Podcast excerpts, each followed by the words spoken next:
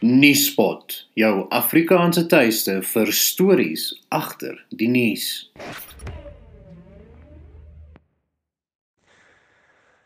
Dit is nou so wat 4 weke gelede sedert daardie debat losgebars het rondom die toekoms van meneer Cyril Ramaphosa en wat verwag kan word vorentoe. My standpunt daardie tyd was gewees dat meneer Ramaphosa voor ernstige uitdagings te staan kom en dat meneer Ramaphosa waarskynlik rug teen die muur staan met 'n klomp groot uitdagings voor hom.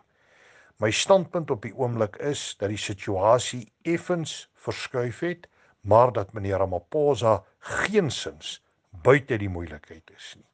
Wat wel sedertdien gebeur het, is dat meneer Ramaphosa agter die skerms met die Magashule groepe in gesprek is dat COVID gelde as dit ware op maniere bestuur word tot voordeel van strukture en mense eh, wat veral aan die regerende ANC verbind is maar dat die groot redes vir die konflik steeds daar is.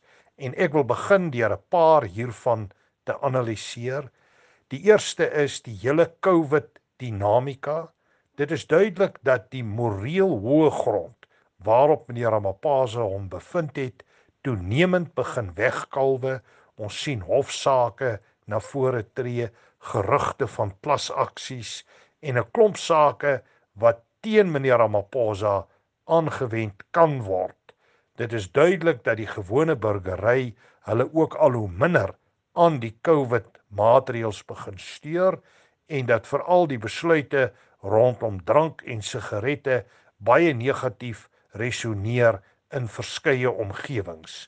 In kort, as die virus sou eskaleer en daar is kommer dat die virus kan eskaleer in veral gebiede soos die Oos-Kaap, maar ook ander tradisionele omgewings, kan dit geweldige uitdagings skep en lyk dit nie vir my of die regering reg is nie en dit kan voor die deur van president Ramaphosa en sy bevelsgroep gelê word.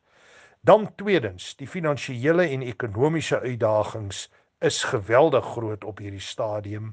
Baie syfers word rondgegooi, maar die aanduidings is daar dat die ekonomie kan verklein met ten minste dubbelsyfers en dat die impak hiervan op veral die die staat en die staatsbegroting geweldig groot gaan wees wat beteken dat die staat nie sy verpligtinge sal kan nakom nie. Dit beteken weer dat geld iewerster vandaan gekry moet word met die mees waarskynlike teiken nie die hele kwessie van uh, die BRICS banke en China en Rusland en Brasilië nie, maar niemand anders as die Amerikaans gedomeineerde IMF nie. En dit gaan tot groot spanning lei binne die ANC. Ons kan reeds die gerugte hoor van die ANC wil daardie goed kontroleer. Hulle is bekommerd oor die soewereiniteit van die staat en die impak wat IMF voorwaardes kan hê veral op state wat rommelstatus het. So in daai sin verwag ek groter druk en spanning. Lees dit ook saam met die gerugte rondom kabinetskuive en kabinetskommelinge en die vraag word nou al gevra gaan die Tito Mbowenis en die Pravin Gordons van die dag oorleef want indien hulle nie oorleef nie kan dit verrykende implikasies hê vir uh, president Ramaphosa se posisie en ook die vermoë om lenings te kry wat nood so noodsaaklik is vir die ekonomie.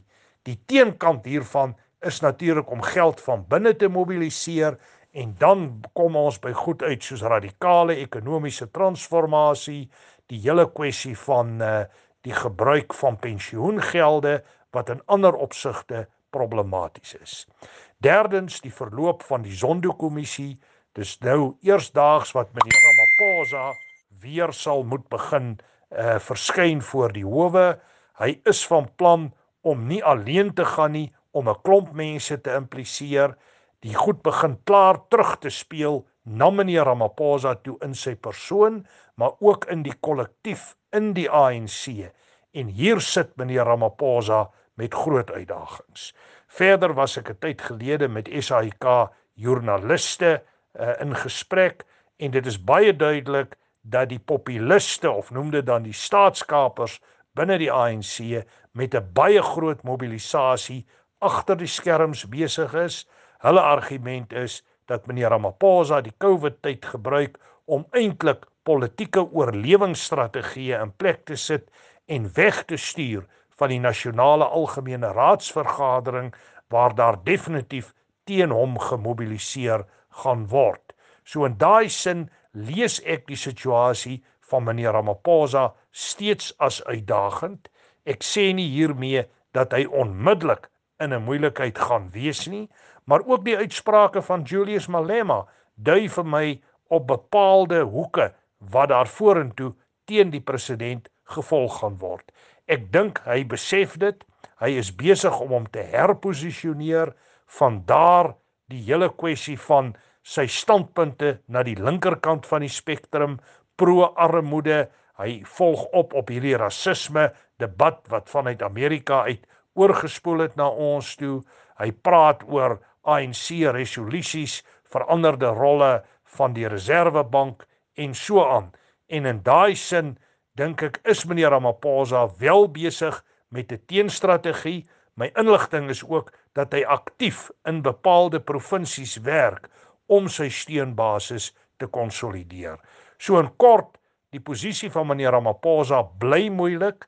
Dit lyk nie of hy onmiddellik in 'n moeilikheid gaan wees nie, maar die uitdagings gaan definitief vorentoe toeneem en ek moet steeds sê ek sal verbaas wees as hy al hierdie aanslae sal oorleef om sy termyn uh as president van die land tot en met 2024 te voltooi.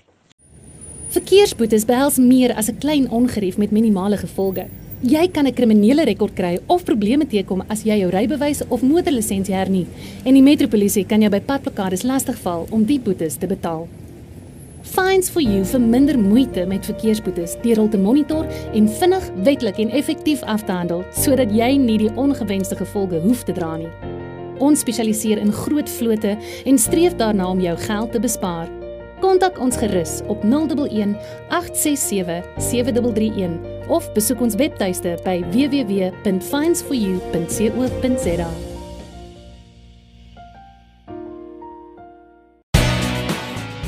Nuuspot, jou tuiste vir Afrikaanse stories agter die nuus.